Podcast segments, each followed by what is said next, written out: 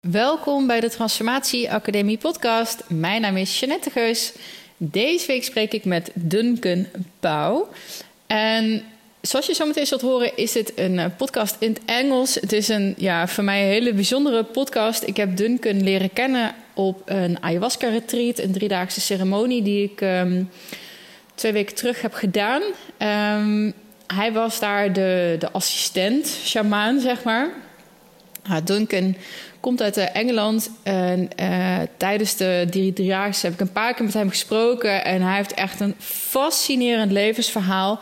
Want hij is niet alleen, uh, mag hij boeddhistisch les geven en um, heeft hij een, een, ja, een bepaald ritueel wat hij doet. Het chanten, het Nam Yohorenge Kyo chanten. Nou, daar gaan we het er uitgebreid over hebben. Maar hij heeft ook best wel een uh, duistere periode. Verslaving, vrouwen, uh, drugs, geld. De hele mikmak, zeg maar. En um, ik vond wel interessant hoe zich dat verhoudt tot die boeddhistische praktijken. Hoe dat weer te boven is gekomen. Um, uh, hoe die met ayahuasca in aanraking is gekomen. Ja, prachtig, mooie man. uh, ga er vooral naar luisteren. Het is zoals gezegd uh, in het Engels. Um, ja, that's it. Uh, geniet ervan en vergeet niet om deze aflevering ook weer te sharen in je stories of om je te abonneren op de podcast. Tot volgende week.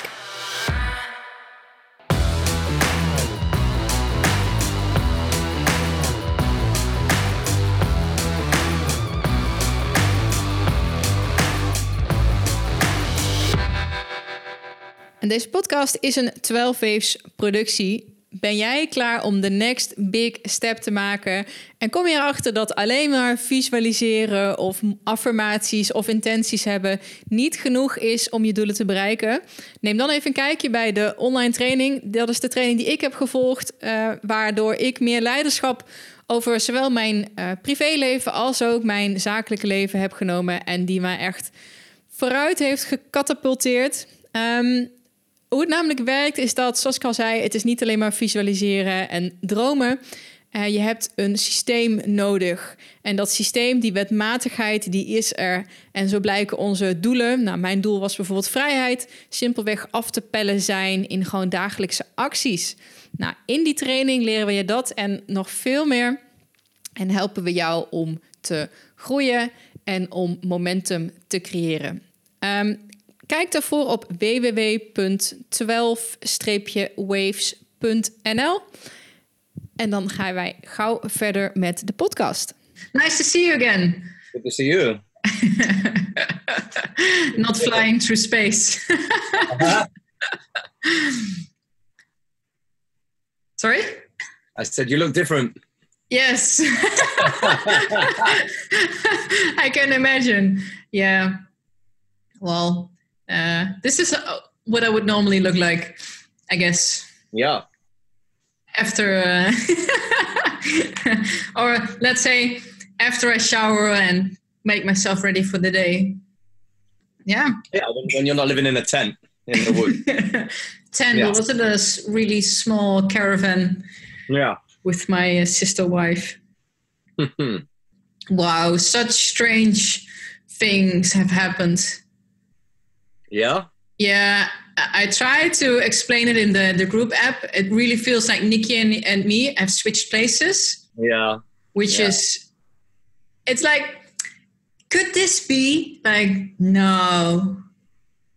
Like she got my my tranquility. Yeah. And I got her fears. Yes. It feels like, okay, I've done it once. I can do it again. I know what to do, what kind of steps to take, how to like reprogram myself. Now I can do it for her as well. And it's so bizarre. Yeah. But well. Um, well, you're you're very you have a very deep connection, and uh, with the medicine, sometimes this is uh, is normal.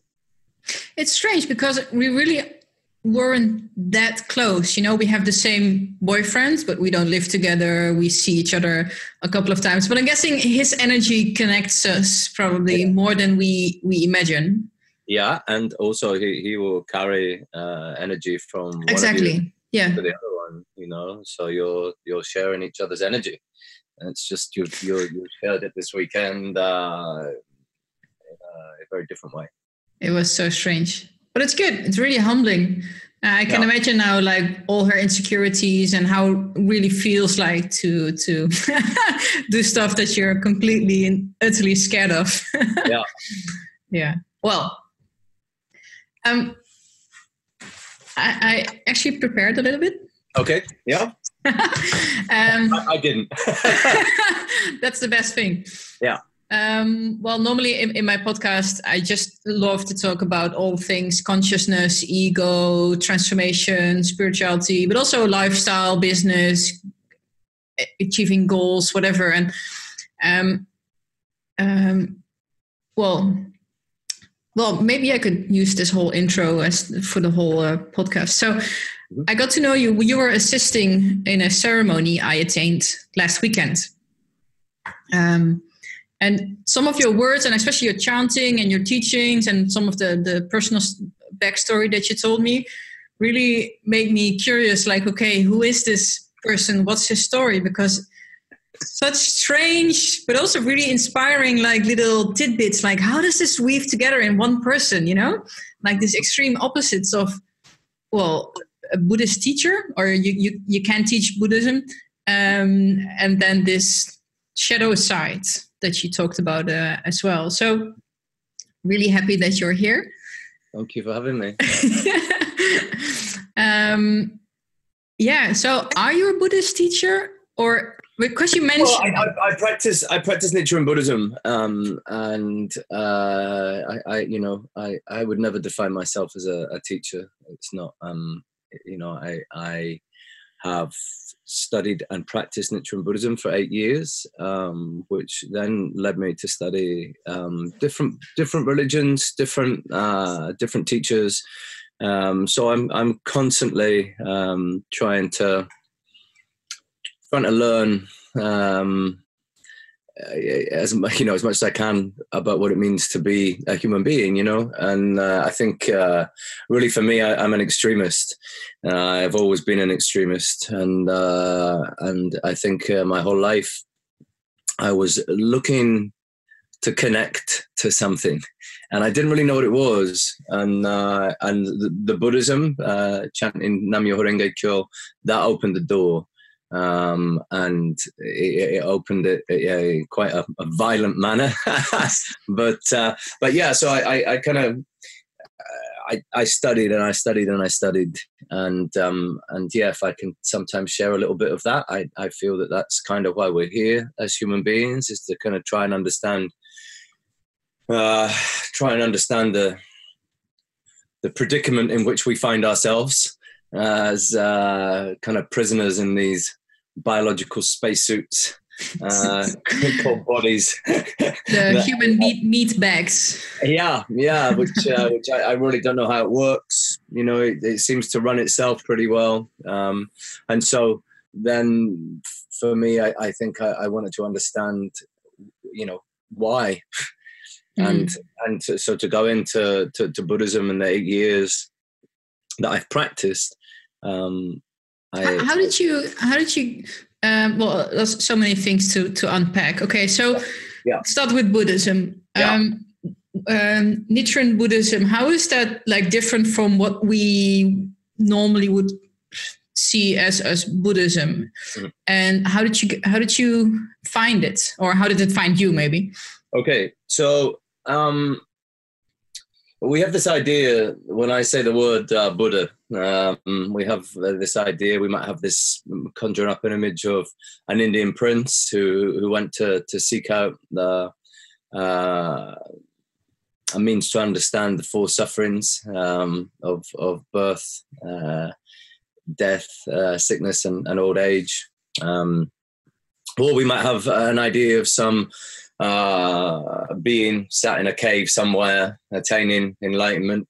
Um, but actually, the Buddha, uh, Gautama, um, when he sat underneath the Bodhi tree, he he didn't attain enlightenment underneath the Bodhi tree. As uh, you know, but I think we have this idea of the Buddha as you know, all of a sudden he attained this thing underneath this tree, and then he, you know, he realized what it all, all, was about. But actually, what the Buddha realized uh, was that he'd already been enlightened countless, countless kalpas ago.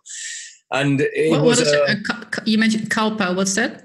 a kalpa is an inordinately long period of time. Okay. Um, so, so in Buddhism, when, when, we when we read and we study the, the sutras, they, they tend to talk about innumerable kalpas and eons. It's a means by which to take the mind beyond because the rational mind tries to put something in in terms of time uh, whereas what buddhism tries to do is it tries to go hey listen in a it, it's bigger than you could possibly imagine the length of time that you've been here doing this whole trip of being born and dying and being born and dying so uh, the buddha um, uh, awoke to his original enlightenment uh, which is inherent in all things, which is inherent in the universe.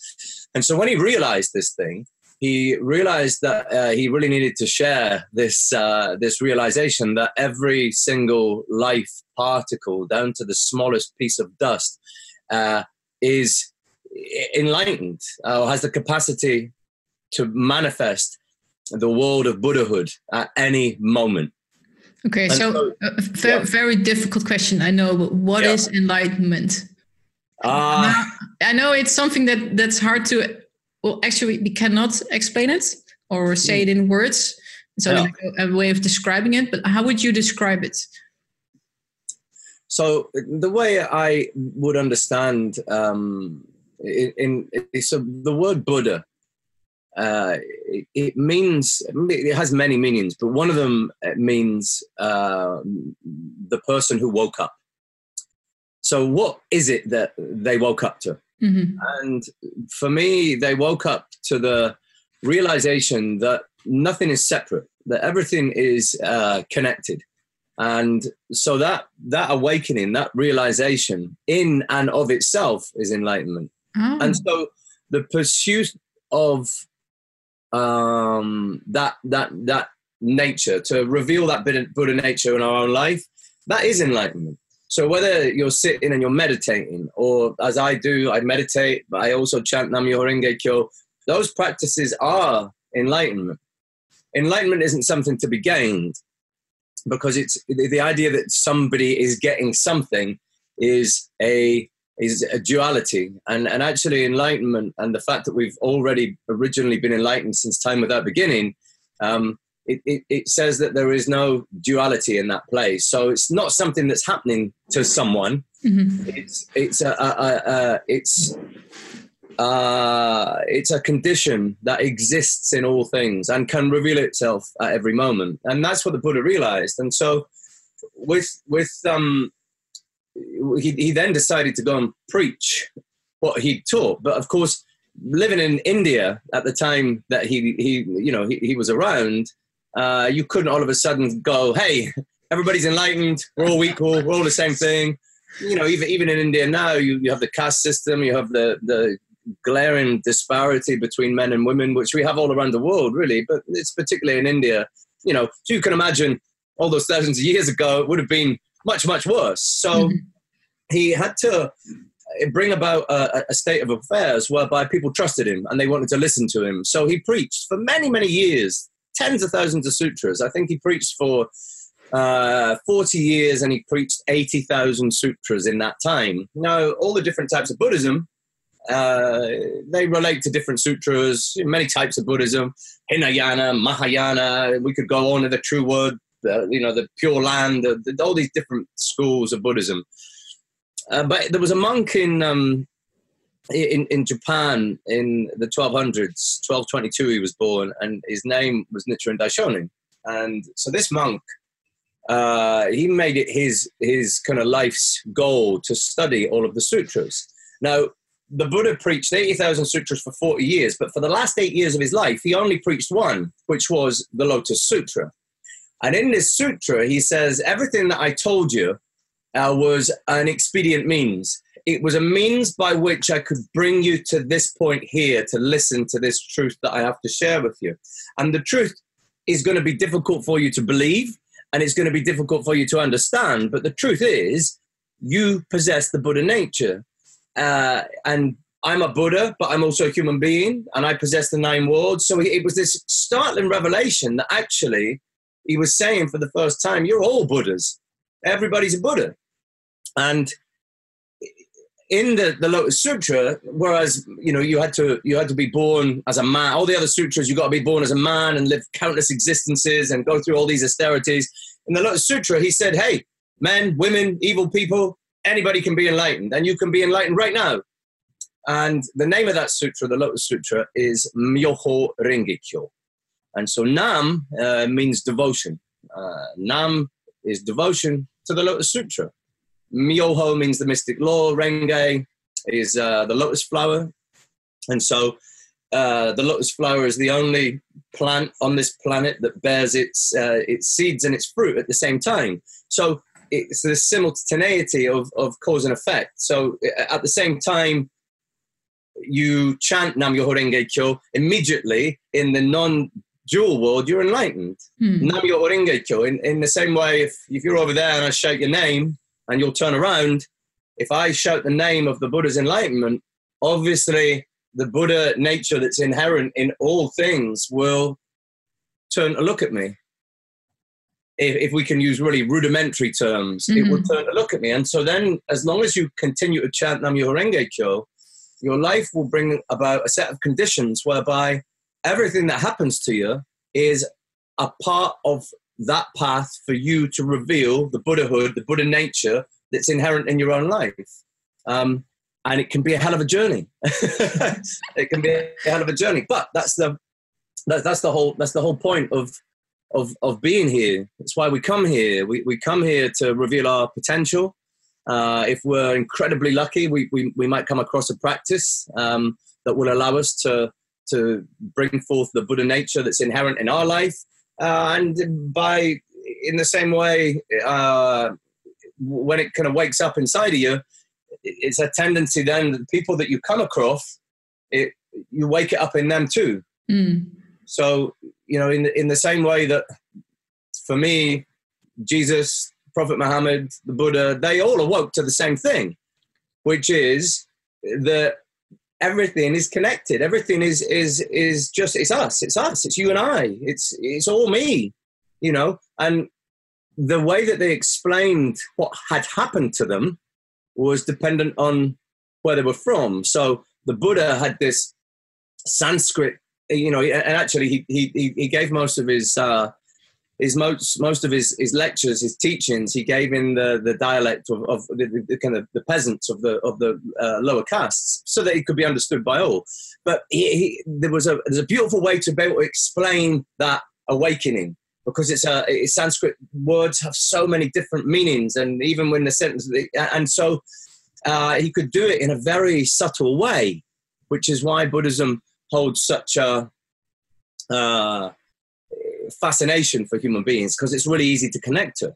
But actually, you know, the, the same awakening happened to Jesus. He he just had uh, Aramaic as his means of explaining what had happened to him, and it was a very you know rudimentary, basic language. And you know, you, you run around saying that you know you're the son of God. People are gonna crucify you for that. You know, and but it's the same awakening in the same way uh, the Prophet Muhammad.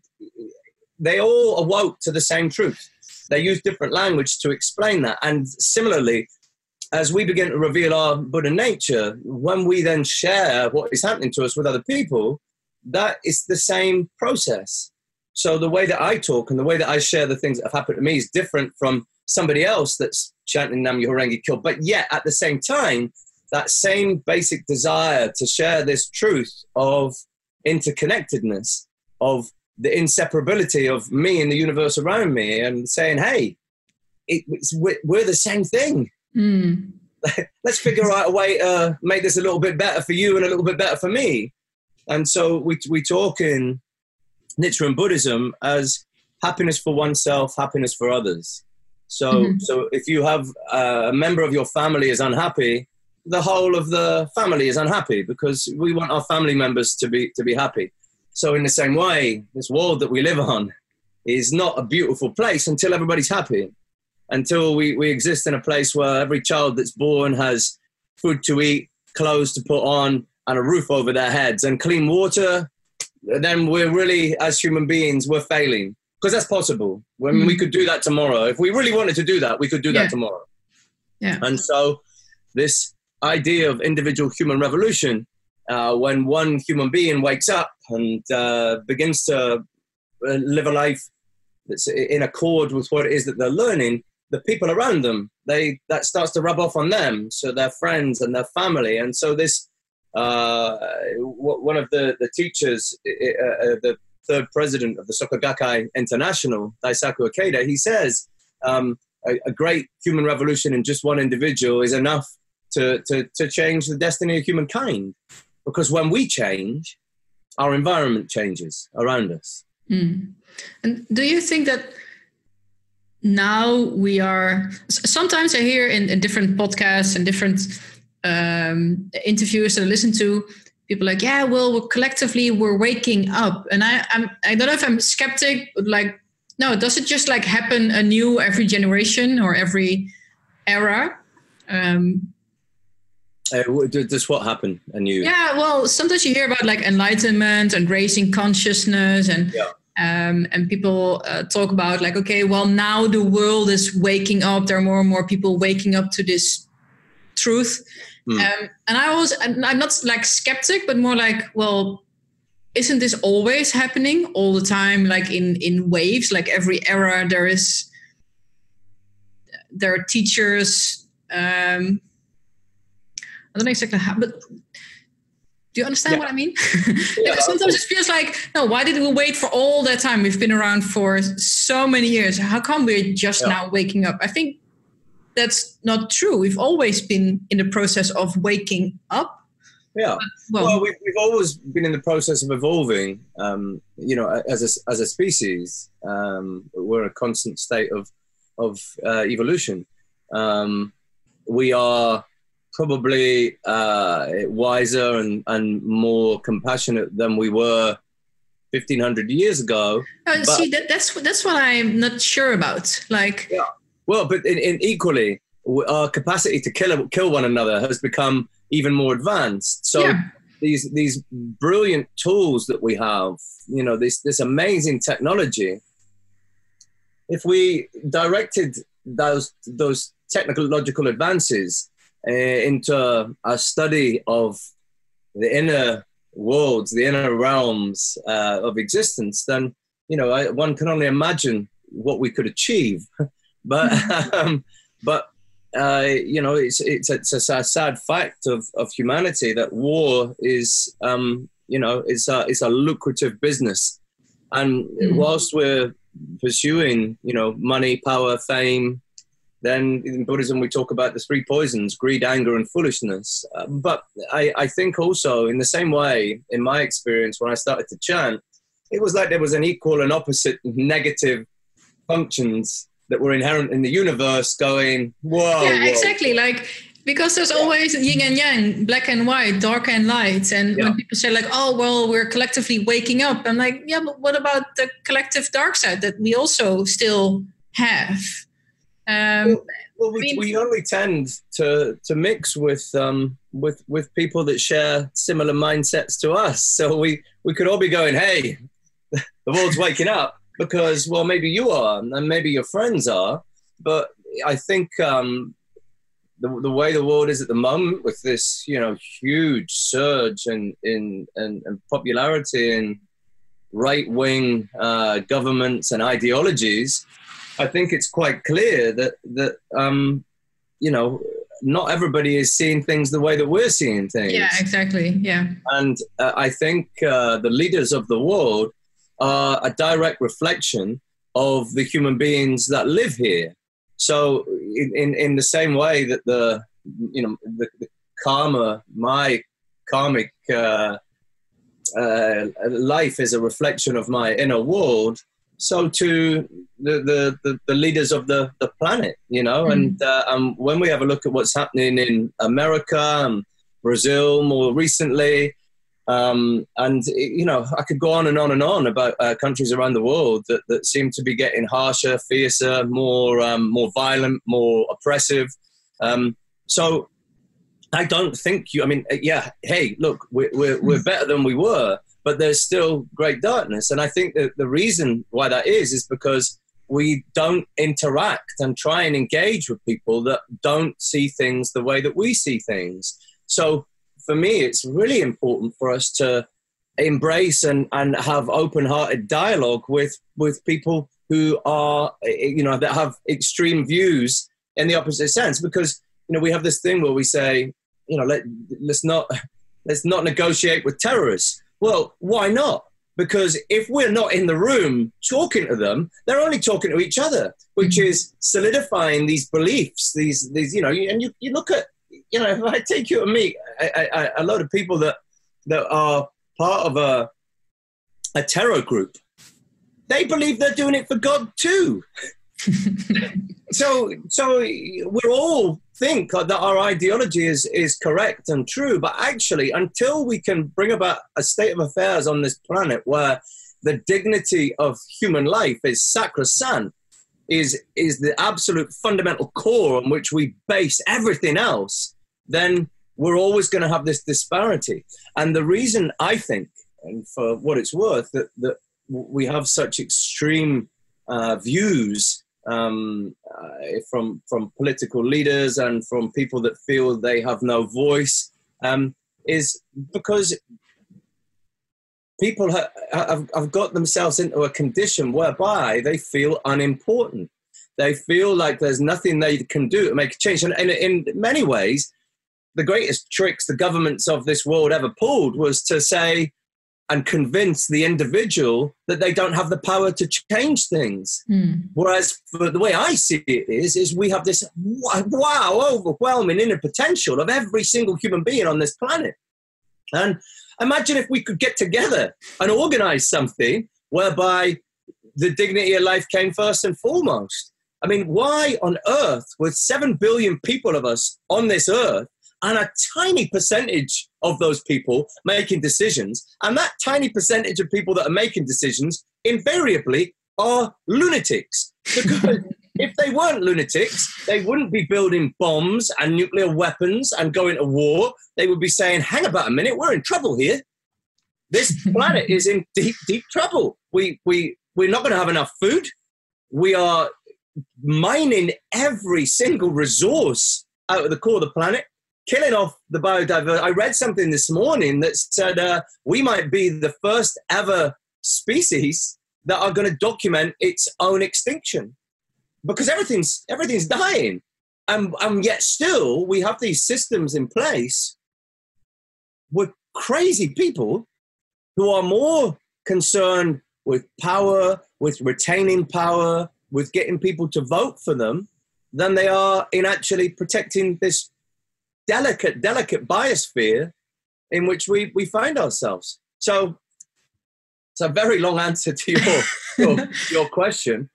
We, we, you'll know when we have collectively woken up because this is something that we'll demand as a species, which is a, a continuation of uh, of these billions of years of, of evolution. Mm. You know, if we're going to survive, we we have to evolve, and if we're going to evolve, we have to wake up. But it, we're not there yet. The reason I'm asking, and sometimes I I catch myself kind of being like a, a fatalist i don't know like okay we we need the dark equal as we need the light so we need the the troubles, the obstacles, the crazy people just as much as we need because it's always in. Well, maybe I'm wrong. I don't know, but um, it feels like it has to be in balance. So there has to be an equal amount of white and an equal amount of blackness, darkness. Mm, mm. So, like saying, okay, well now it's all white. So yeah. I don't know, but maybe that's the too philosophical uh, question. I don't know. No, I, I think um, you know I, I said to a lot of my friends that, that Britain would vote itself out of the European Union and that Donald Trump would be president, and everybody laughed at me. Um, I, I, just I just had the sense. I hope that, you placed bets on it. Yeah, I didn't. I, I, I really should have. I, I think uh, I think if you'd have gone for those two things, and a couple of years ago we had a team called Leicester City that won the, the football league in England, which was five thousand to one. I think if you had those odds and you put a pound on it, you would have been a billionaire or something. Mm. I can't quite remember the odds, but um, something in, in, incredibly. Yeah, no, I never did. um, because there was a little part of me that kind of wished that it wasn't going to happen. But then, yeah. I, you know, I, I see Donald Trump as a Buddha. yeah, know, that, that's what I mean. Like we need, we yeah. need, yeah. Okay. What, what, what, Donald Trump is doing is, is, is, having an effect whereby he's he's we, we have this kind of middle ground where people are have been apathetic, I suppose. You know, a, a little bit uh, lackadaisical because well, I'm all right and my family's all right and I'm okay. So I, am not going to make a big deal about the bigger picture. And um, and those people are now waking up to the realization that whoa, hang about a minute, these people don't speak for me. So it's it's it, you know Gandhi said all great changes are preceded by chaos. Well, there's nothing more chaotic than the world that we're living in right now. Yeah. It's chaos. But I think it's the beginning of, of, of great changes. You know, yeah. I, I have to believe that. Um, and I, I think the other thing, I remember this again, it comes back to doing our own personal work. I remember when uh, David Cameron was prime minister, and uh, I think Britain uh, got itself involved in, in conflict, in bombing uh, uh, a, a, place in the, the Middle East. And I remember I was so irate, you know, I was I was so angry, and I was posting on Facebook, and I was telling everyone what I thought and how I thought things should be. And with Donald Trump, I, I don't have that same sense of anger now. Someone said to me once that the things that most annoy us in other people are the things that we do ourselves. Mm. That's why it's so annoying. So that yeah. when someone's doing something that's really grating on you, you actually there's there's a part of you in them. That's what you're getting annoyed at. Um, yeah. And I think with Donald Trump, you know, if, if I was a uh, you know making a film and I, I came to pitch this film to you and said, hey, listen, I got this great idea for this movie, um, and in this movie, yeah, there's this little kid, and he's a beautiful little kid, a little happy thing, blonde hair, blue eyes, and uh, just wants to have fun. But his dad's a bully, and mm-hmm. his dad bullies him, and he can never do anything right, and he always makes him feel like he's not good enough. Um, and th- this little kid's dad is this big billionaire property developer. If I was pitching this film to you, or you were watching this film, you'd want the little kid to win, wouldn't you? Yeah. Well, he did. He's president of America. and, and, and, this is the point. You know, we, we don't see the, the small child that was bullied and made to feel like he was never good enough. Mm. You know, mm. Donald Trump wants to be loved, but he doesn't know how to let himself be loved because he's, he's never had that gift of, mm. of someone loving and caring for him. So he tries to fill himself up with other things money, power, fame, sex, whatever it is he doesn't seem to me to be a human being that has a, a great deal of compassion for other human beings. Um, if I had all the money in the world, wow, I'd make a difference with that money, you know? well, or you, you don't know. I think there's a lot of things change if, we, if, if you have power, if you gain it, if you gain power and money. Um, always very curious how, did, how, how does it change people, you know? But uh, actually, um, would you mind telling me how you got involved with Buddhism? Because I know your, your backstory is really interesting. Yeah. And um, I I don't know which Buddhist teacher it is, but there are stories like the biggest teachers having like alcohol problems or sleeping around with a lot of students. And it's also like, how can this be in one person? I think it's fascinating. Yeah. So um, I, I, think life experience really gives you a, a, means by which to connect to people. Um, and I, I think uh, what, what's really important is the, the transformation of the human being, of the individual. Everybody has the potential to reveal Buddhahood within them, you know. And, and listen, if you'd have met me 10 years ago and you see this person here, you'd start chanting tonight and you'd carry on doing it, you know? Uh, my, my mum used to come to Buddhist meetings sometimes and she would say, Hey, listen, if it did this to my son, you should all do this because he's changed. Mm. Now, I don't know how I changed. You know, I didn't do it. but so when I met the the Buddhist practice, I was working um, on a, a, television show in England uh, called Holby City. Very popular show, um, watched by a lot of people. Uh, I was earning a, a, a, very good sum of money. Uh, I was living with a model in a nice house, and I drove a nice car. And so on the outside, I had everything that you know that you think people would aspire to. Uh, and I was miserable.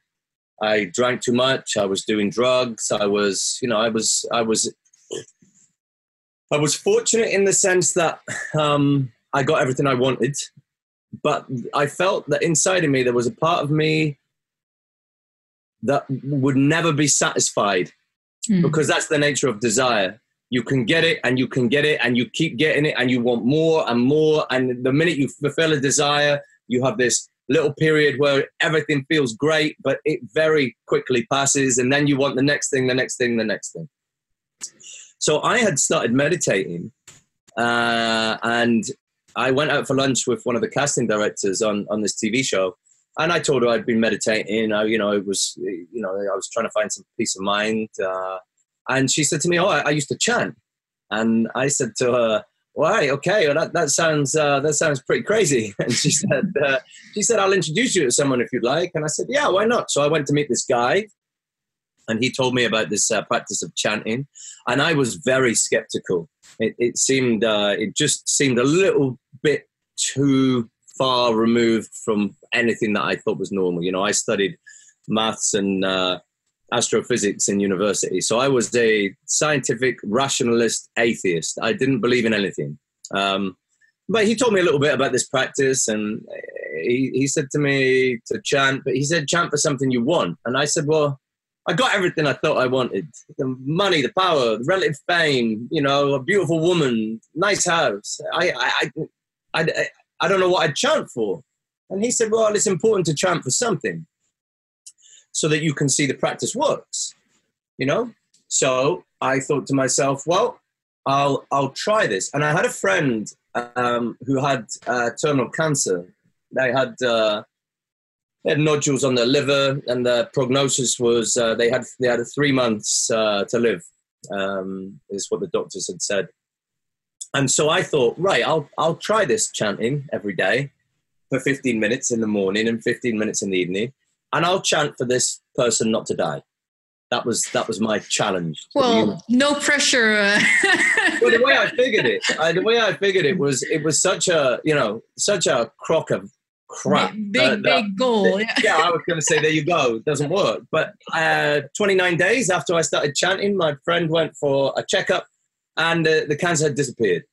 The nodules had, I mean, they, they, it's called a medical miracle. They couldn't explain why it happened.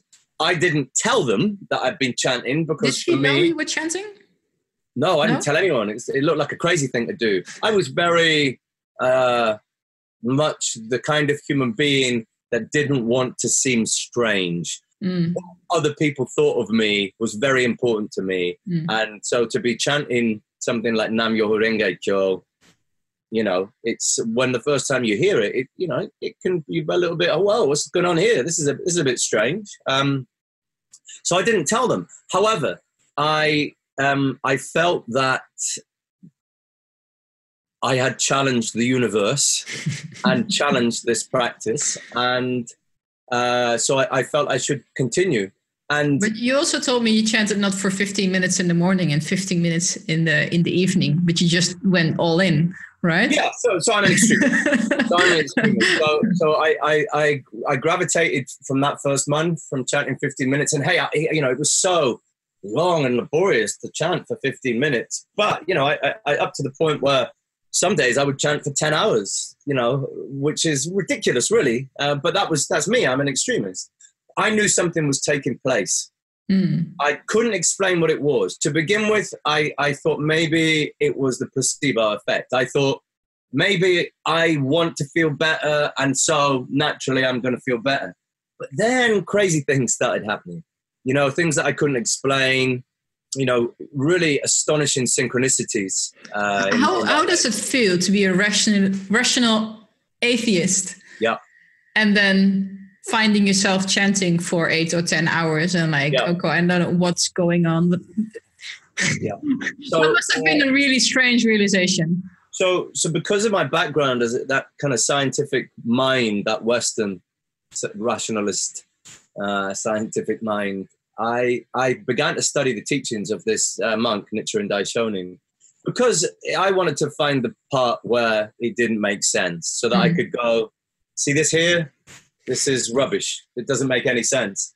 Eight years I've been looking for for, for those things. I can't find it. There's an answer, you know, for me, as I understand it now, it's a, it's a science, you know, and what the Buddha was talking about, I think, is uh, what quantum physicists are talking about, which is we're not just here at this moment. Actually, the entire universe is contained in this moment. And my mind and the entire happenings within the infinite universe are one and the same reality. They're one and the same thing.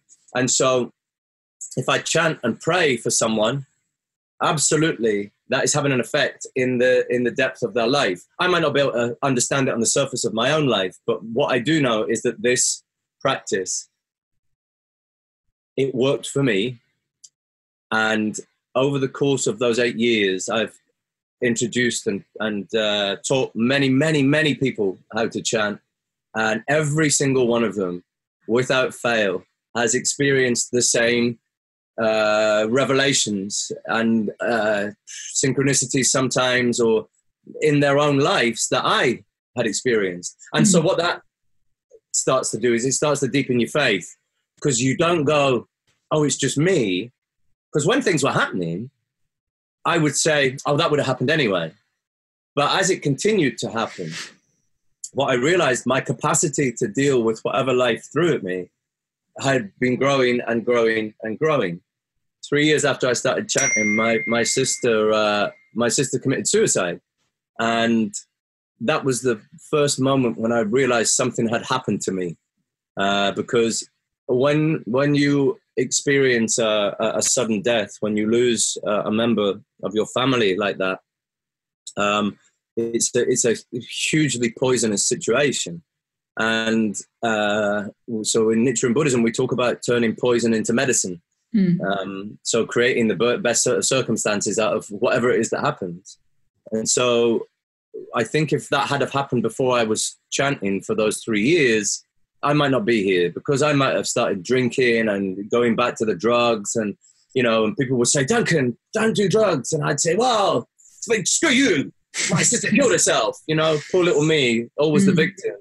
And um, actually, what happened was a, a, a, radical transformation. And, you know, I, I now I see my sister as, as like the most, oh, the most amazing teacher that I ever had you know, she taught me in that moment that her life had great meaning. And, and also, she taught me that I could never understand what another human being was experiencing. Uh, I would never be able to understand uh, what was going on in someone else's head. And so then it became a really deep prayer of me to try and do that. So mm-hmm. every person I meet, I meet my sister, you know, and, and I feel like it's another opportunity to to use her life to create value. Um, and that's that's when it really hit home this this practice and and uh, yeah, it took me from from a, a life of hedonism and and madness, um, you know, to out to the, the Amazon, to the jungle, to, to meet the teachers and the medicine there. And it's just grown and grown and grown and grown. And through it all, I continue to chant, you know, twice a day, every day. And, uh, and I know no matter what's going on in my life, no matter how bad it gets, I know that if I sit and chant for 15 minutes, I know that I will see things differently. Hmm. Maybe I won't come out of whatever position I'm in, but it will give me a, an elevated viewpoint from which to look at it. Because yeah. we have a tendency, I think, as human beings, is you know when something happens in our life, we're here, you know, we're we're right up against it, and something happens and we and we react instantly mm. from what's happening in our life. And as we chant, we we start to get some distance between what's happening and our response to what's happening, and that that in and of itself is wisdom. If we can distance ourselves between what is happening and our response to what's happening, we we we we, we bring about a, a state of affairs where we can really use wisdom to make our decisions rather than instinct, rather than you know, rather than our our karmic tendencies. Yeah. yeah. Um, so many questions I have. um, well, the, the reason why your story also resonated with me, I mean, while I was at university and I was a, a grade A student, I was a, a, student assistant, so I assisted professors as well. That, but that was in the morning. And in the evenings, I would find myself like three times a week doing cocaine, not even partying, just staying at home, locked up. Yeah. I don't know why. yeah. And it's and it's so strange. Like I know I'm perfectly capable of rationalizing why this is a bad idea, but I still do it. Yeah. And um uh and now I, I see it also, of course, in, in, many people, but also even on the highest level. Like sometimes you, you hear about a Buddhist, uh, big, big, big Buddhist teachers that sleep with students or mm. have alcohol problems. And I've come now to see that this this dark side, and we talked about it in the ceremony as well. That the, the darkness is needed also to to see the light or get yeah. to know. I, I don't know. And, I, and I think, you told me, you told me as well. Like it's so strange. Like on the one hand, you're like preaching to people, and oh, you should chant, and then or you yeah. went to the jungle, and then you come back on Monday, and you're still again hmm. balls deep in whatever. Yeah, and that's so mind boggling like how can this be like in, in one person hmm. so i think uh you know I, I i am a great believer in desire so um you know this so that the, the false idea of the buddha is that he extinguished his desires and then attained enlightenment well that's a falsehood because after he sat under the bodhi tree he had a desire to lift people up to his level. So he didn't extinguish his desires, he transformed them. Um, and so it's human nature to desire. We are born out of desire desire mm. to live, to experience, to learn, to uh, overcome.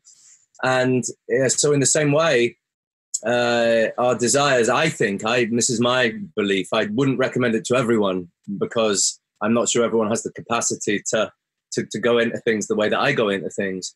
But I feel like I had to exhaust my desires.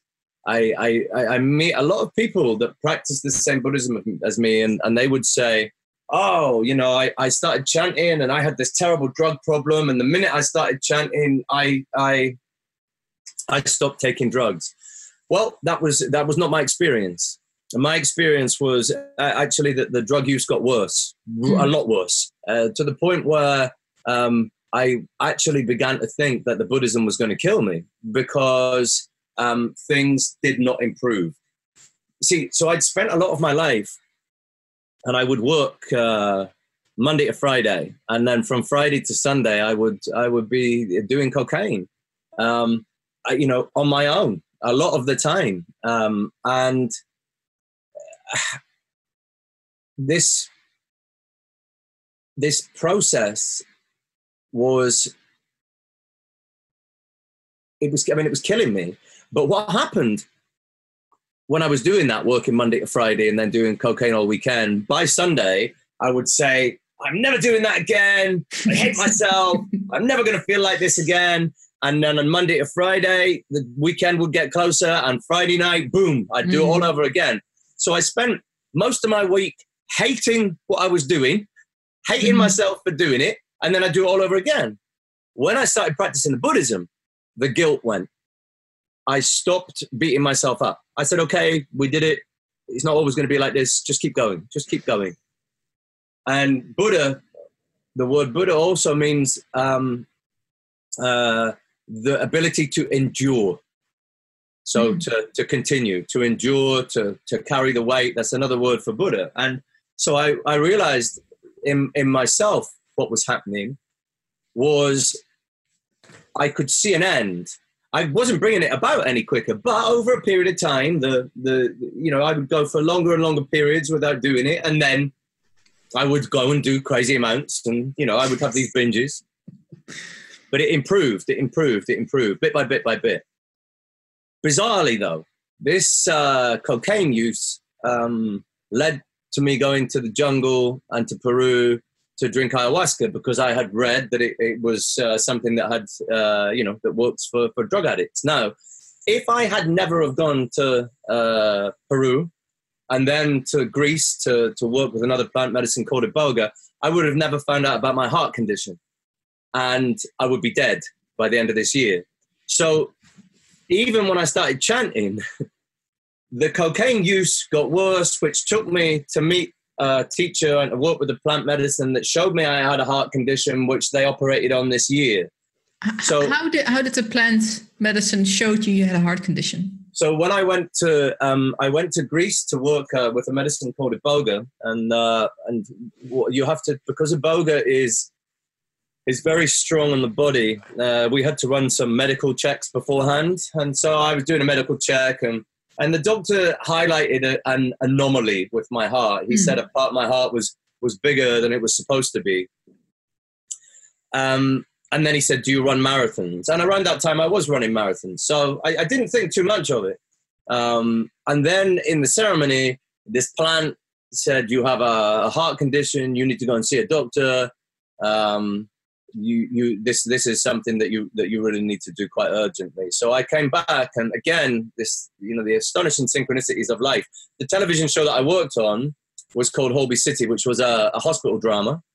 And the cardiothoracic uh, surgeon the heart surgeon the advisor uh, i met with him. He ran some tests. He said you have a bicuspid valve. He said this is a birth defect. He said there's no symptoms really. He said this could have just killed you one day. You'll just your heart uh, would just fail and you'd be dead. He said, but it's fine. We can, we can just keep uh, checks on you now and there's no problem. And actually that man uh, ended up doing the heart surgery. So a guy that was an advisor on a television show that I was an actor or I played a surgeon ended up doing the, the, the surgery. Um, and all of these things, um, you know, they, they, I, I, see these when, when we chant Nam Myoho Renge Kyo. So it says, you know, it's, it's a little bit. Nichiren says it's, it's like a, it's like a bird in a cage. So when a bird in a cage starts to sing, the birds in the sky, hearing the bird singing, come round and gather around the cage. And the bird in the cage, on seeing the birds outside of the cage, wants to be outside of the cage. Mm-hmm. And so that's very much the practice of chanting Nam Myoho Renge Kyo. So when we chant Nam Myoho Renge Kyo, we be, begin to reveal this Buddha nature that's inherent in our life. And the universe the protective forces reach out and, and meet us. And so I feel a deep level of protection. Um, you know, and, and I, I really feel there was a, a great teacher called Sri Nisargadatta Maharaj, and he said, uh, "In my world, nothing ever goes wrong." And that's how I feel about my life now. Is is nothing ever goes wrong. Nothing's nothing's to waste. Everything is always as, as it's supposed to be. It's only my false ideas uh, that, that cause me to suffer. Everything is happening perfectly for me, by which to become free. Mm-hmm. This is this is the process of chanting Nam Myoho Renge Kyo. We choose the causes and conditions of our life in order to become free. Yeah. And the freedom of of chanting every single day, it's like you can feel this just energy coming through you that's in all things and it makes you begin to really feel like no matter what happens, it's exactly as it's supposed to be. You have, because you've revealed it in your own life, you have the tools within you to overcome whatever it is, and uh, and your life starts to become this beautiful, beautiful jewel. Which we've, you know, there's there's a, a lovely analogy in the Lotus Sutra of this uh, this uh, rich man who who, who he sews a. Uh, I, I I've got to tiptoe around it. I can't give you the, the exact details, but I'll give you the, the, the kind of the, the basic uh, thinking behind it. He, he gives a, a, a robe to uh, this, this peasant and he sews inside it a jewel. And this peasant goes traveling all over the place. Or it might be his son that he gives it to. That's really bad of me that I've mixed up the peasant and the son. But the point is that he's traveling everywhere, begging, trying to get money. And the whole time he has this jewel, this priceless jewel sewn into the lining of, of his robe. And that's how we are as human beings. Mm-hmm. We don't re- we don't realize that inside of us we have this precious, precious, unfathomable jewel, which is which is our, you know, we talk about the treasure tower and revealing the treasure tower in our own life. And that Buddhahood, that word Buddhahood exists within us. And so, you know, we're walking around blind looking for the answers, and actually, they're, they're all inside of us. Mm-hmm. So, whatever happens, when you chant, you have a means to take the wisest course of action to uh, create the most value for yourself and for the people around you. That's mm-hmm. that's my experience. You you mentioned uh, an analogy that I really really loved uh, last weekend the the bag of potatoes. Yes. Um, well, maybe you, it's best that you tell it since you were told me. So, so, so we talk. There's a, type of Japanese. telling it to everyone, like, okay, this is my potato. so there's a, there's a type of uh, Japanese potato, and if you put them in a bag together and you shake them, they'll peel the skins off uh, the other potatoes. And this is this is how we, you know, this is again this this idea of the Buddha or you know attaining enlightenment of as being in some cave, some place you know, is absolutely in contradiction to what the Buddha taught. The Buddha was about action. He was about taking action for the benefit of other people uh, to become happy and uh, and and uh, to help other people to become happy. And so when we rub up against uh, anyone, whether they're fellow practitioners or people that you know I, I always seek out the most difficult people in your life and run towards them and really and really try and find a, a, a piece of common ground because you know look we have two things in common with everything alive on this planet. The first thing is we're alive so we have that in common. And the second thing is one day we're going to be dead. So so we have two things in common with everything on earth. So uh, when we when we engage with people especially people that are difficult um, and I, I, always found with the difficult people, I would chant for their happiness. And it doesn't mean I would always like the person, but it, it meant that I would find somehow a means by which to resolve whatever the conflict might be. Um, and that's that's you know this is this is how we grow, mm-hmm. you know, and it, and it starts. I think it starts with the family. You know, if if we can create harmonious families, each of us, well, then we've done it. Because if everybody lives in a harmonious family, then then we've won, right? Mm. And so this is, you know, this is for me. It starts with your family. If you have a, a difficult family, understand you chose a difficult family uh, before you came here, so, so that you can, uh, so that you can, you can learn how to be.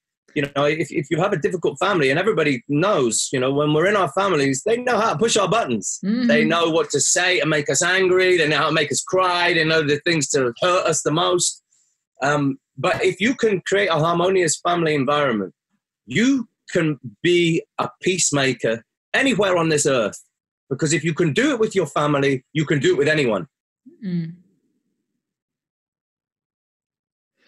The, uh, yesterday, I was uh, talking to someone, and he, he was critical. I mean, I, I really believe in this mindset. I think like the Stoics and and the Buddhists have a lot in common um, in that way. Like adversity shapes us, makes us stronger, gives us tools, skills, insights, whatever. And he's and he was like, yeah, well, but isn't that just a way of um um um oh I don't know how to say it in, in English of um making it right. Um, um no, not making it right, but he thought it was like it was a, way for us to um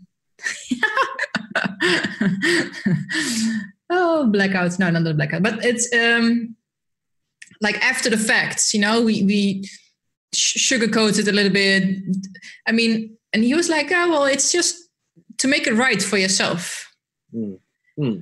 Um, instead of, and I'm, I actually, I think, well, yeah, but isn't that what all that there is? Like the story that we tell ourselves, isn't that yeah so it, it, was meant as criticism, like, oh well, you can you can explain away everything in that that manner. Then, well, evil is good because you can learn from evil. And he was like, oh well, that's that's not like we were talking about ayahuasca, and he had a, a ceremony which was good for him, but there are loads of horror stories uh, going around, people having bad experiences, and he's like, yeah, and then people go like, yeah, well, but that's um, uh, it's supposed to be like this and it's part of part of the, the experience and he's like well i'm not sure if i feel it you know like um, why does it have to be um, hard and um, people just saying like, "Well, that's that's part of it."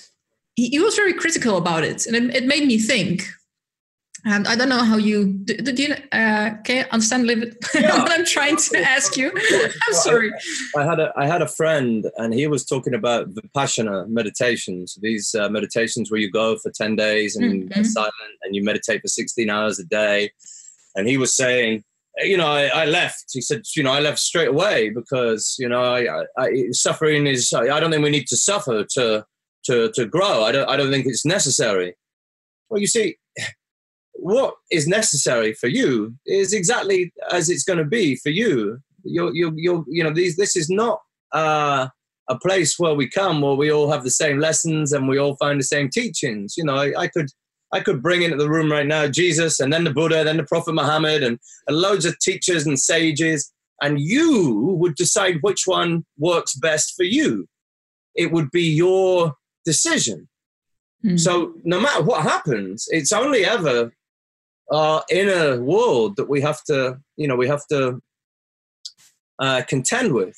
And so some people uh, respond. So if you think about a football team, some players like to be shouted at, and told you're terrible and you're awful, and that makes them respond in, in a way that, that, that they play better. If you just shout at another player who needs an arm around him and a little mm. cuddle, they're not going to respond to your the the way that you the, the, the way that you um, approach them.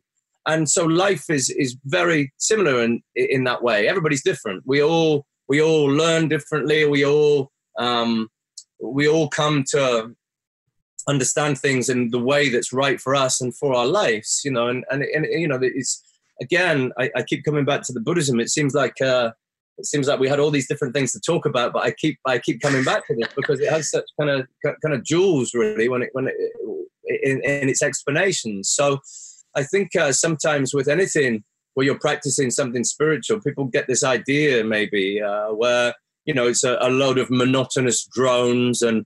Uh, and and people become you know the same thing and actually you know Nichiren says he says whether the rain falls on a on a rose or an oak tree the rain's the same, but the rose is never going to be an oak tree, and the oak tree is never going to be a rose. In the same way, when it rains, they just grow into the best oak tree and the best rose there is. And so when you chant Nam Myoho Renge Kyo, you grow into the best human being that's right for you to be. You reveal these qualities that are best for you. And um, and so the way that we learn is, you know, it's dependent on us. And and and actually, a lot of it for me is is uh, is uh, having faith that everybody's on their own path. Because for a long time, I was like, everybody should do this, and this is what you need to do. And uh, like you said, I would be at these meetings and I'd be regaling people with all this information I had stored up, and I'd be giving them great advice. And I would go home and do cocaine and drink, drink bottles of wine until I, you know, hours and hours and hours. Um, so I, I think uh, when you go out for a walk in the woods or in the forest, you know, you, you don't look at a tree and say, ah, oh, man, that, that tree's not growing right. That should be growing a different way. You know, we're, we're very peaceful with nature. We think everything's growing just the way that it should be growing. But when it comes to other human beings, we go, wow, man, that asshole really needs to change. Or, you know, we, we're always so judgmental. And, uh, and actually, you know, I think uh, having respect the the dignity of someone's life.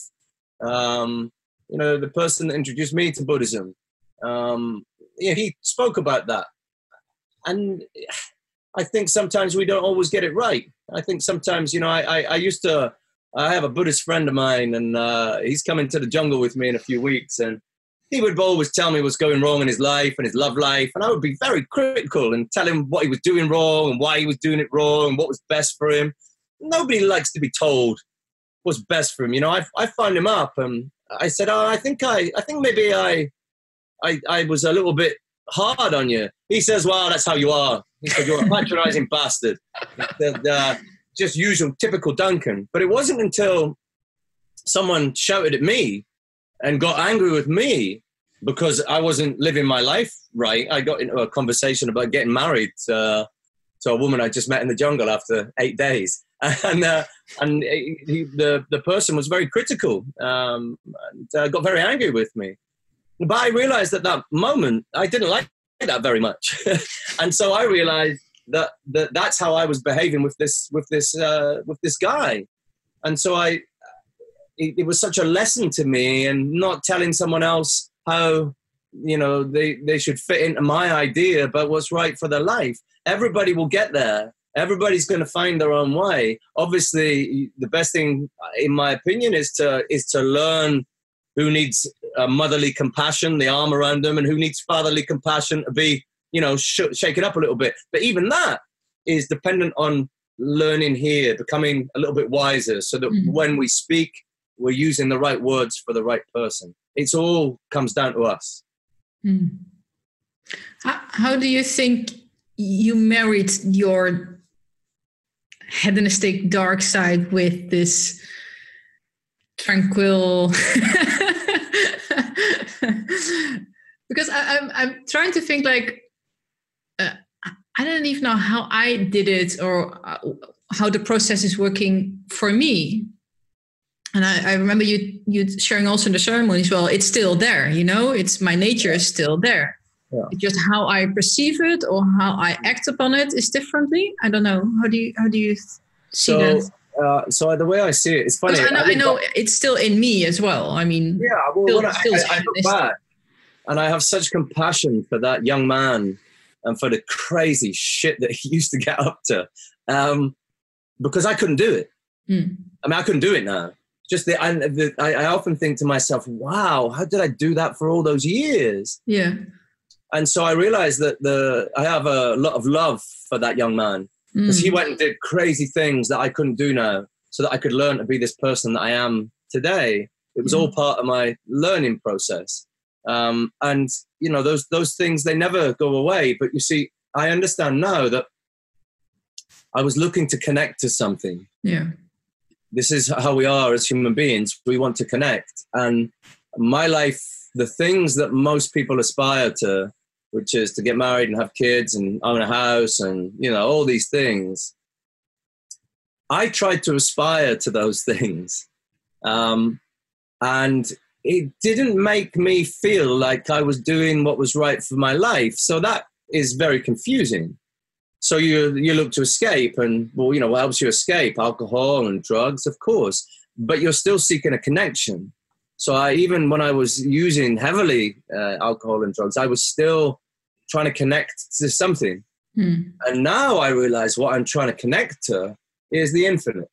Yeah. And so I direct that same desire uh, to connect, but it just goes to a different uh, in a different direction. It's the same energy yeah. the same energy that that uh, that I do the work with uh, this weekend with you is the same energy I chant with is the same you know it's the same energy I just I know I I you know when whereas I used to desire things that gave me momentary pleasure now I desire the the grandest thing there is which is uh, to to be absolutely at one with with the universe and to be a function of this mystic law that we mm. call life and be a function that creates value where I go. So I, I still have that desire, but now it's it's connected to a far greater cause mm. than momentary pleasures.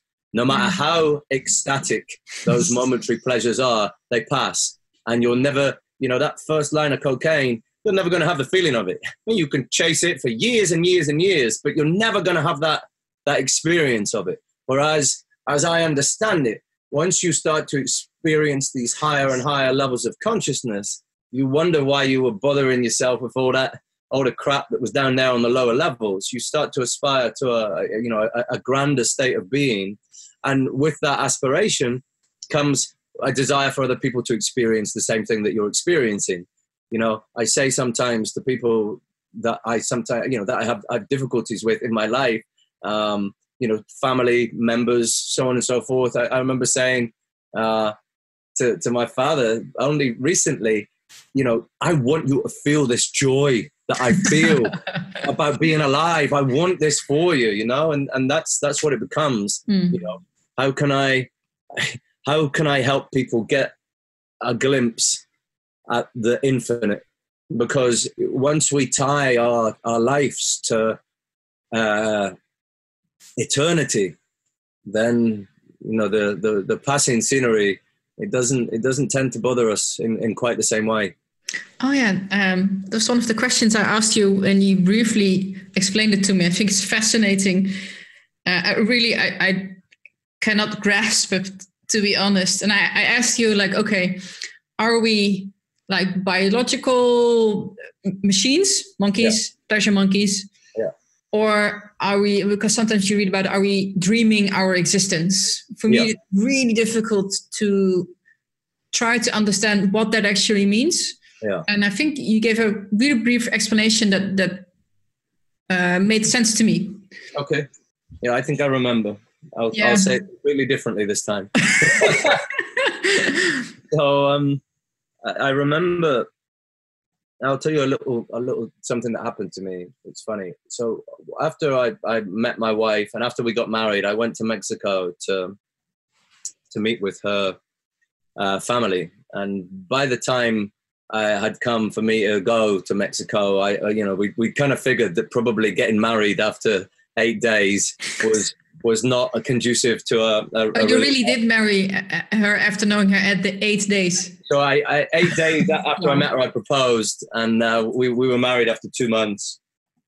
And I went to meet her family after seven months. And when I landed in Mexico, um, her a friend of mine, a girl that had been on my first ever ayahuasca dieta in Peru in 2013, she contacted me I hadn't heard from her for five years. She's from Spain. I landed in Mexico, and uh, she said, "Oh, hey, how are you?" I said, "Oh, I'm good. I'm I'm in Mexico to meet my wife." She said, "I live in Mexico."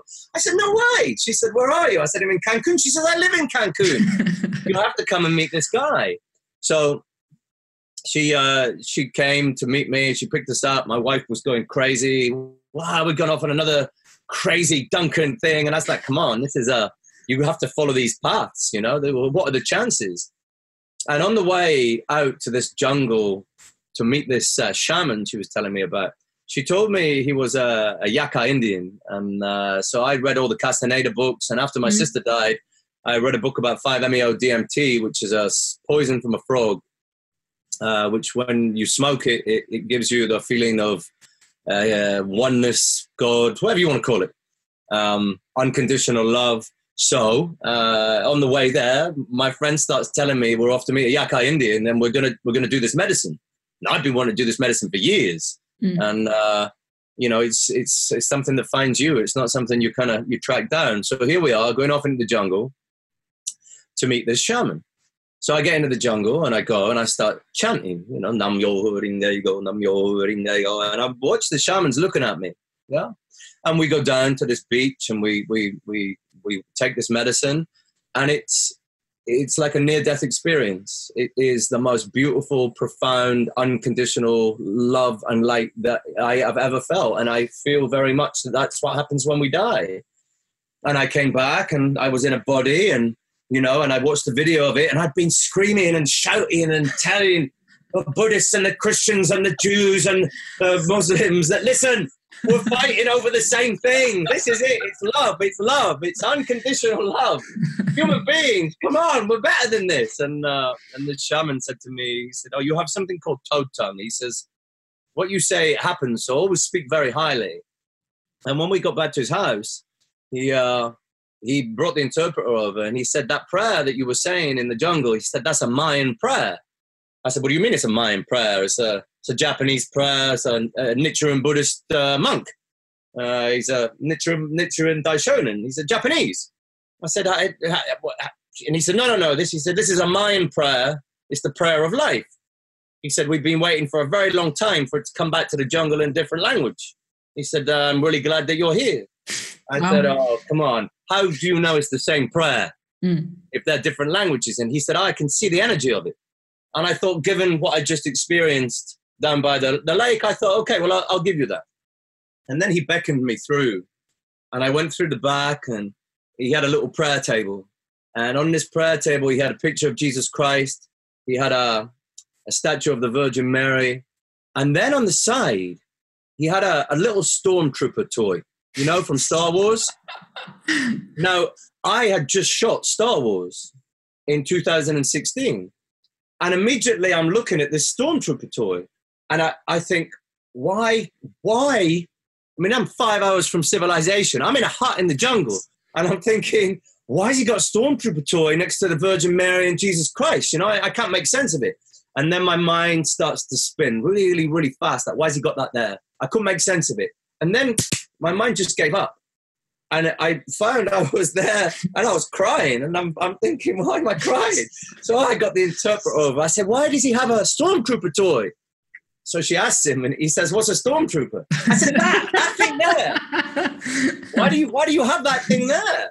And he said that he had uh, he'd been in a market and he he knew I was coming and he knew that I would know what it meant, so he bought it. Now, it was at that point that I thought to myself, how you can't explain it. I mean, you cannot fathom that on mm. any level.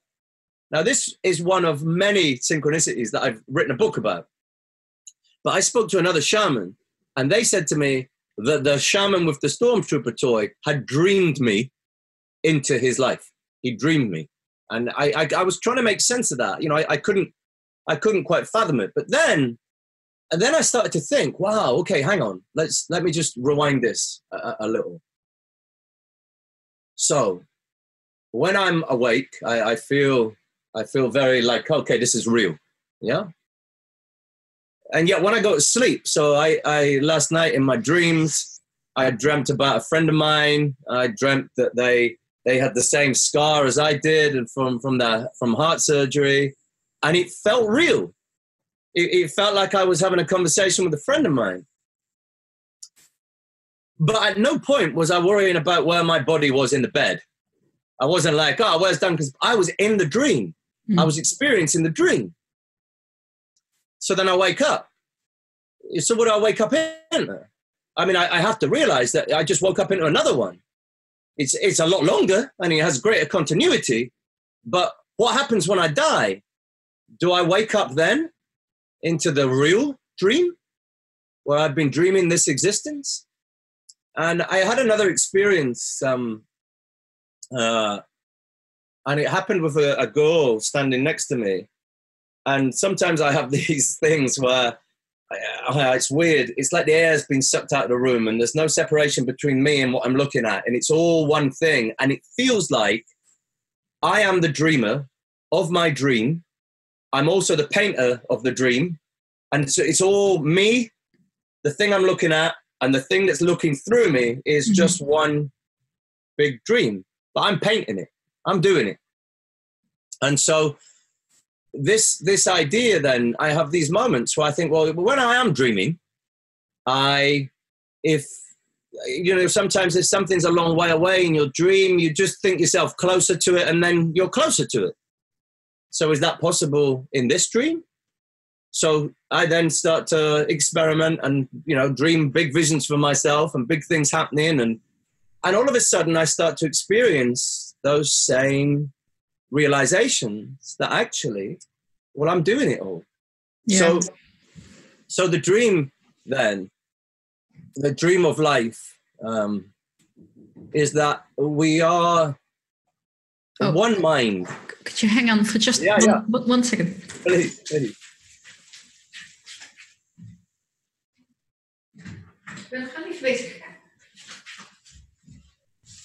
Uh-huh. Sorry, someone was at the door. On. so yeah, so so we um we have these uh, lives that feel so utterly real, and this dream, this dream of life. Um, and Alan Watts, he, he puts it beautifully. He says, you know, um, imagine you could go to sleep tonight.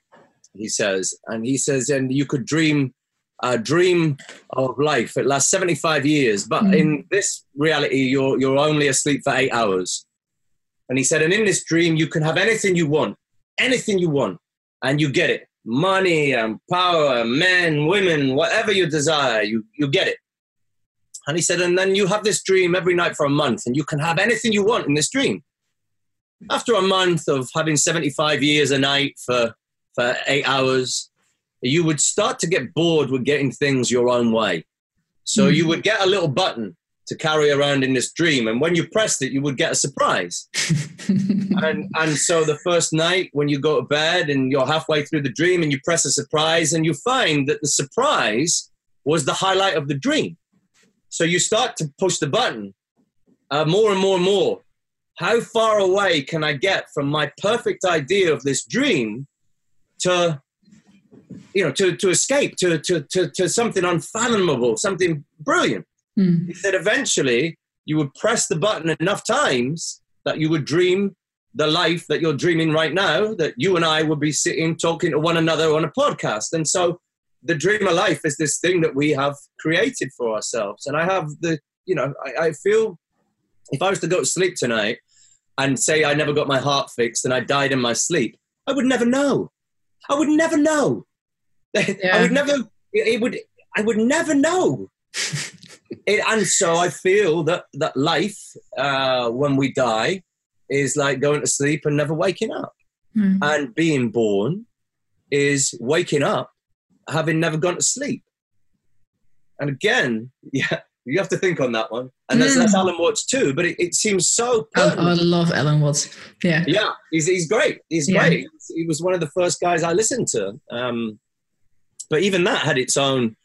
Yeah, that's a that's another very long story about how Alan Watts popped up in my life.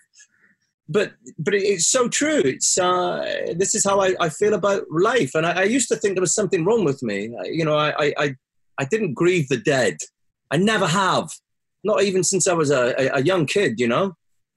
And I wonder why is that? I used to think there was something wrong with me. I used to mm. think I got no heart, and uh, and actually now, I remember, I remember when I was a child, I, I was very into Buddhism and monks and all this stuff. And now here we are, and I practice.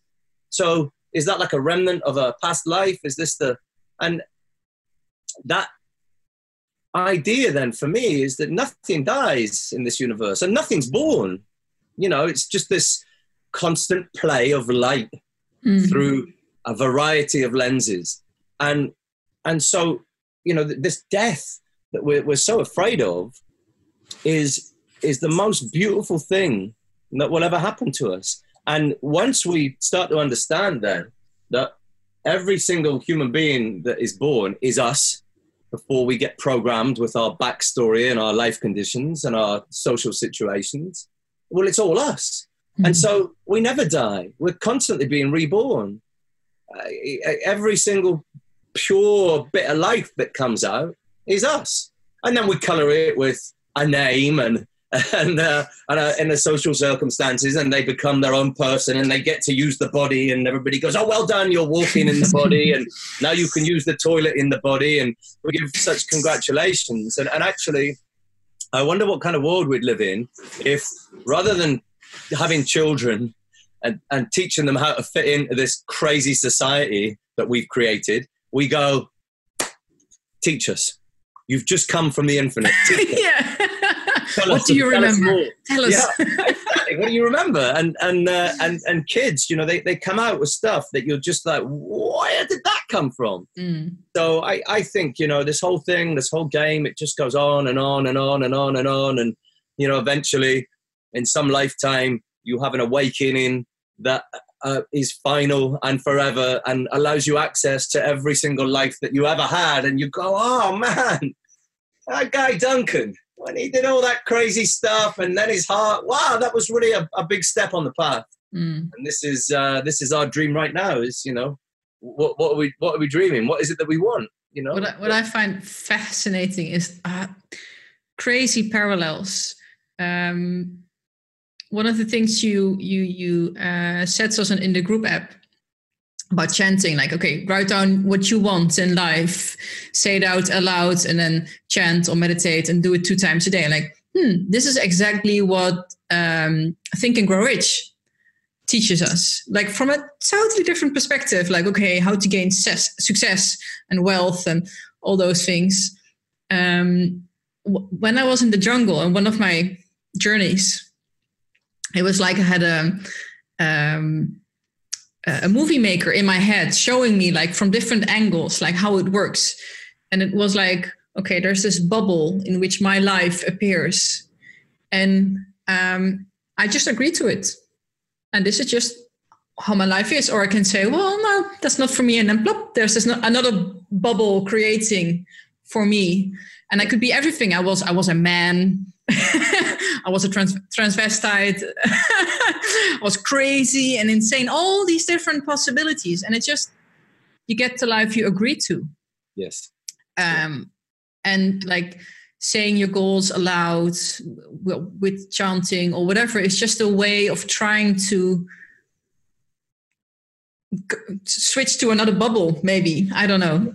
Yeah. And it's it's fascinating to see it from so many different angles, different philosophies, all pointing to the same thing.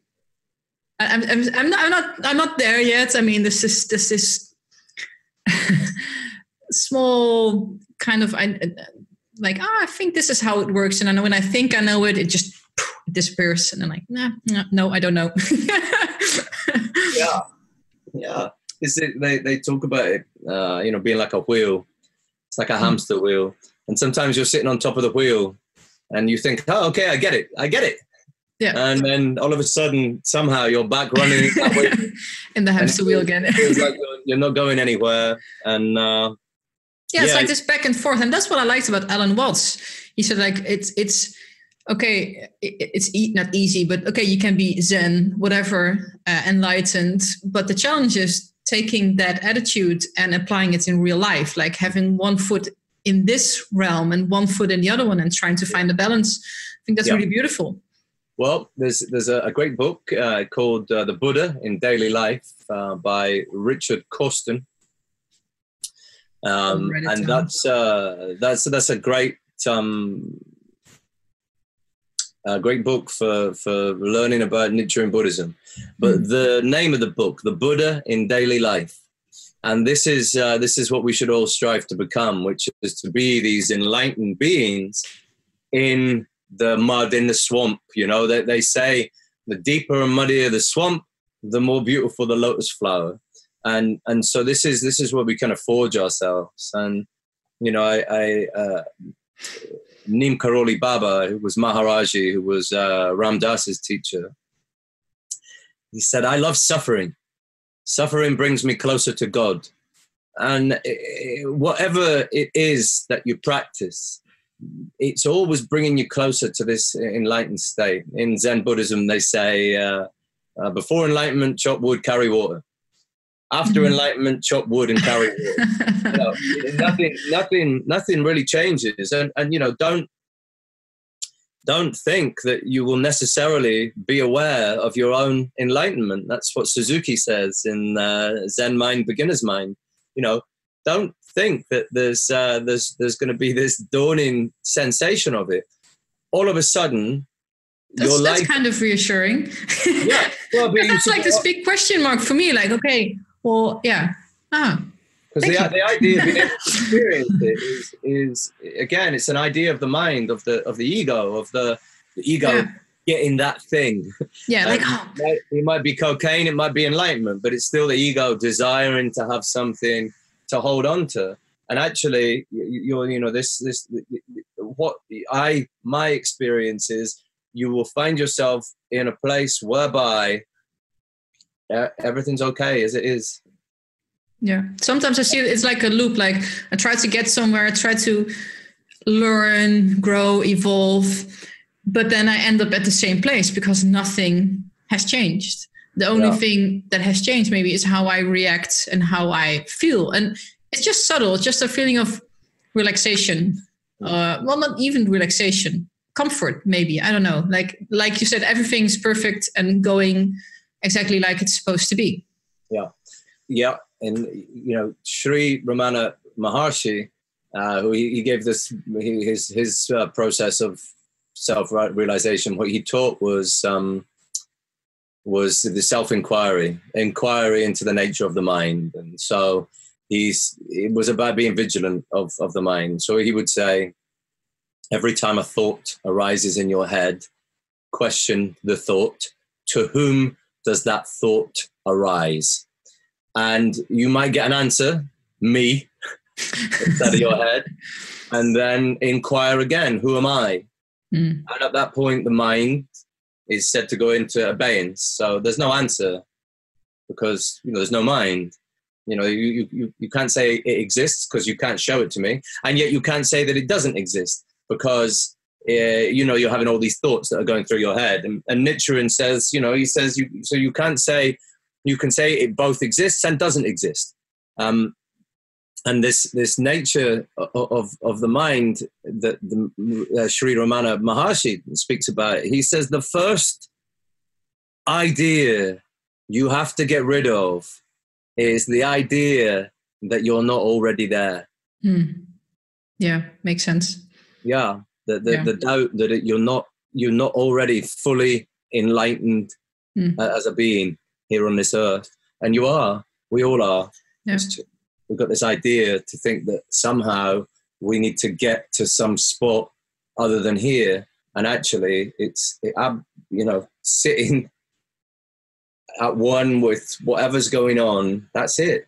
Hmm. There is there is nothing else.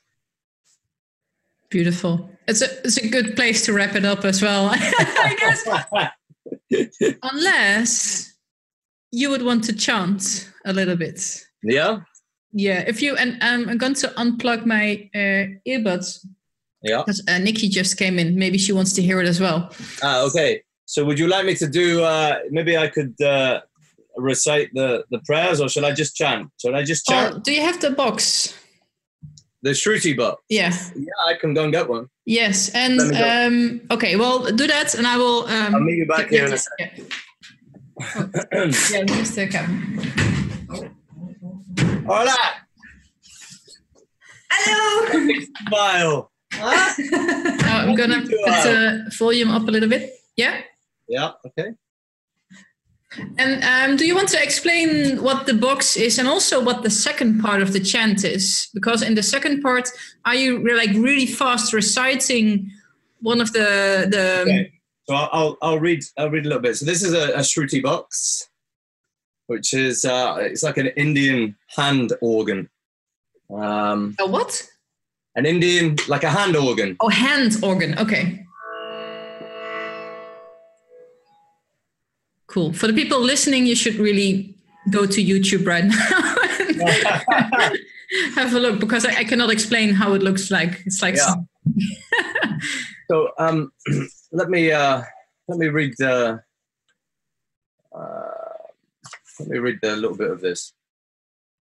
So this is a, a book um, called The Liturgy of uh, Nichiren Buddhism, and it says uh, introduction. One of the most significant attributes of Nichiren Daishonin's Buddhism is its easily accessible practice of chanting Nam Myoho Renge Kyo. This profound yet simple method of Buddhist practice is a complete teaching for the modern world. Practice is one of the three pillars of Nichiren Daishonin's Buddhism, the others being faith and study, through which we can bring forth our innate Buddhahood. Practice entails two aspects practice for oneself and practice for others. Chanting Nam Myoho Renge Kyo is the primary practice for oneself. Nichiren Daishonin specified recitation of certain portions of the Lotus Sutra as a vital supporting practice for oneself. Doing both the primary and supporting practices each morning and evening gives rise to maximum joy and benefit in our lives.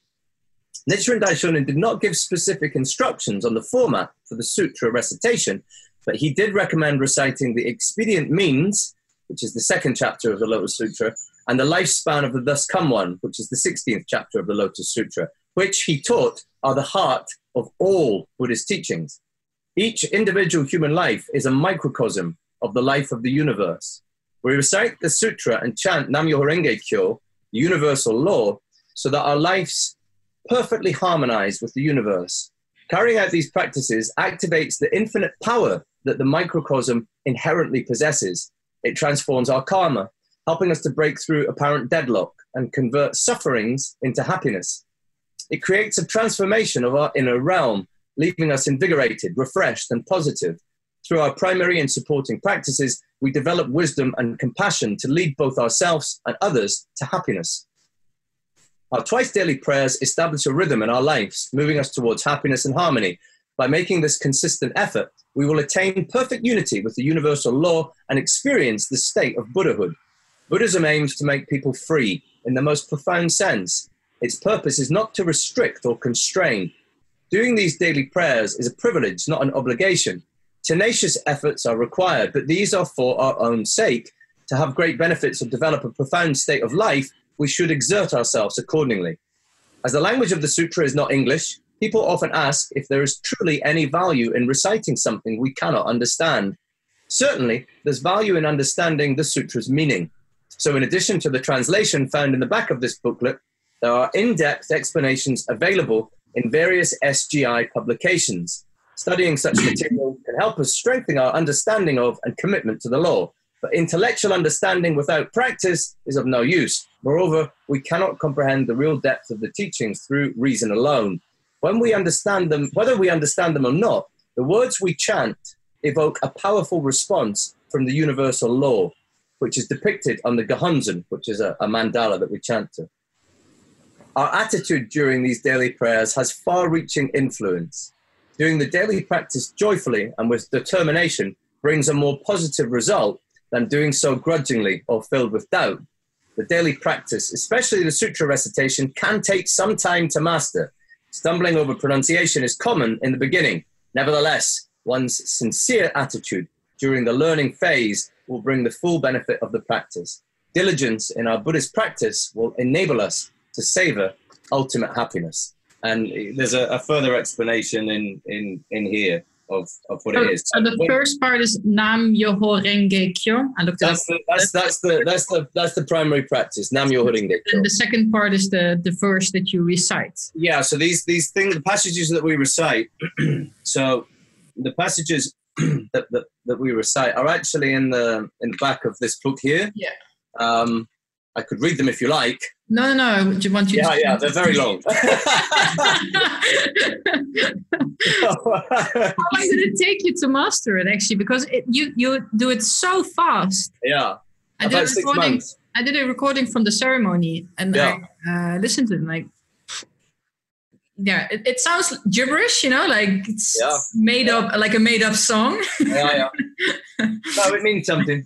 Yeah, and it, it took about six months doing it twice a day because mm. um, it's all. I think I gave you the books. Yeah, uh, yeah. So it's all it's all written down phonetically, and, and after six months, you turns out you know it. Yeah. yeah. So, without further, further ado. Yeah. Okay.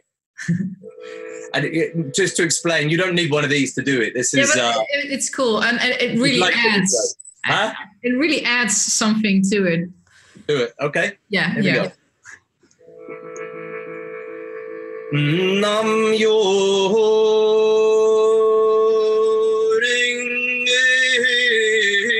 kyo Nam yo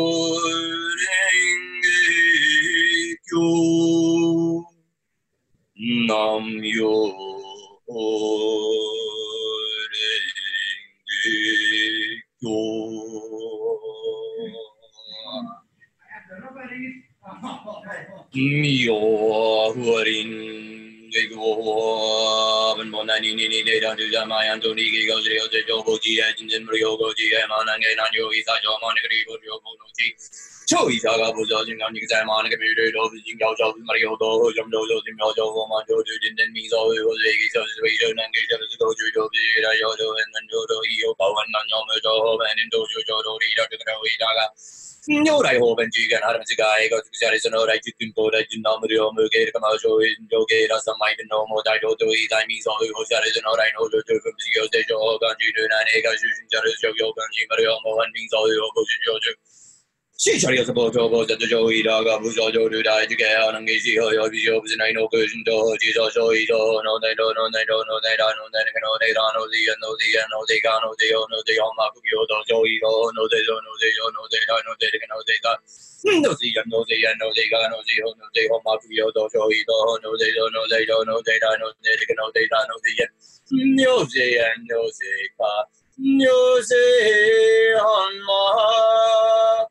kukiyoto O ring yo no re juri on dai juro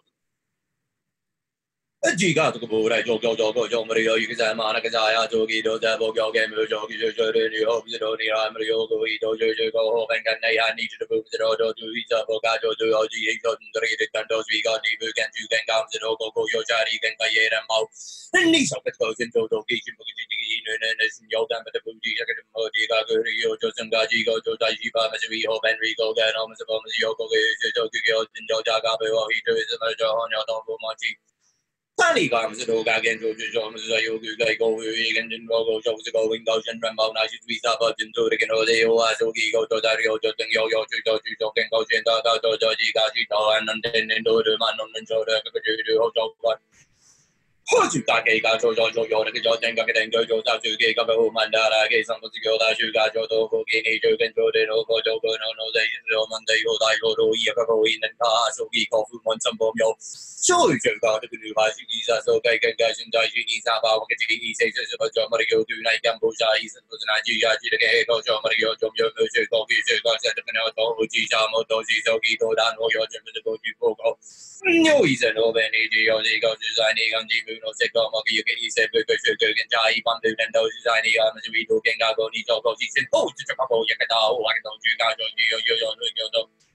所有功德都已成就，满志在心内，你可成就？多苦乐无处躲，娑婆究竟无生。Nam yo ringe kyo, nam yo ringe kyo, nam yo ringe kyo, nam yo ringe kyo. Nam yo ringe yo, nam yo ringe yo, nam yo ringe yo, nam yo ringe yo, nam yo ringe yo, nam yo ringe yo, nam yo ringe yo, nam yo ringe yo, nam yo ringe yo. Nam yo ringe kyo. Nam yo ringe kyo, nam yo ringe kyo, nam yo ringe kyo. And yeah, you just do that for about 10 hours. I'm kidding, I'm kidding, I'm kidding. and then all will be well. they say they say five minutes twice a day, five minutes in the morning, five minutes in the evening. Try it for 30 days and see what happens. So wonderful Telcel commercial. yeah, yeah. Duncan, thank you. Thank you. Thank yeah, you. thank you. You're welcome. Thank you. Thank you for, for having me and uh, thank you for being interested.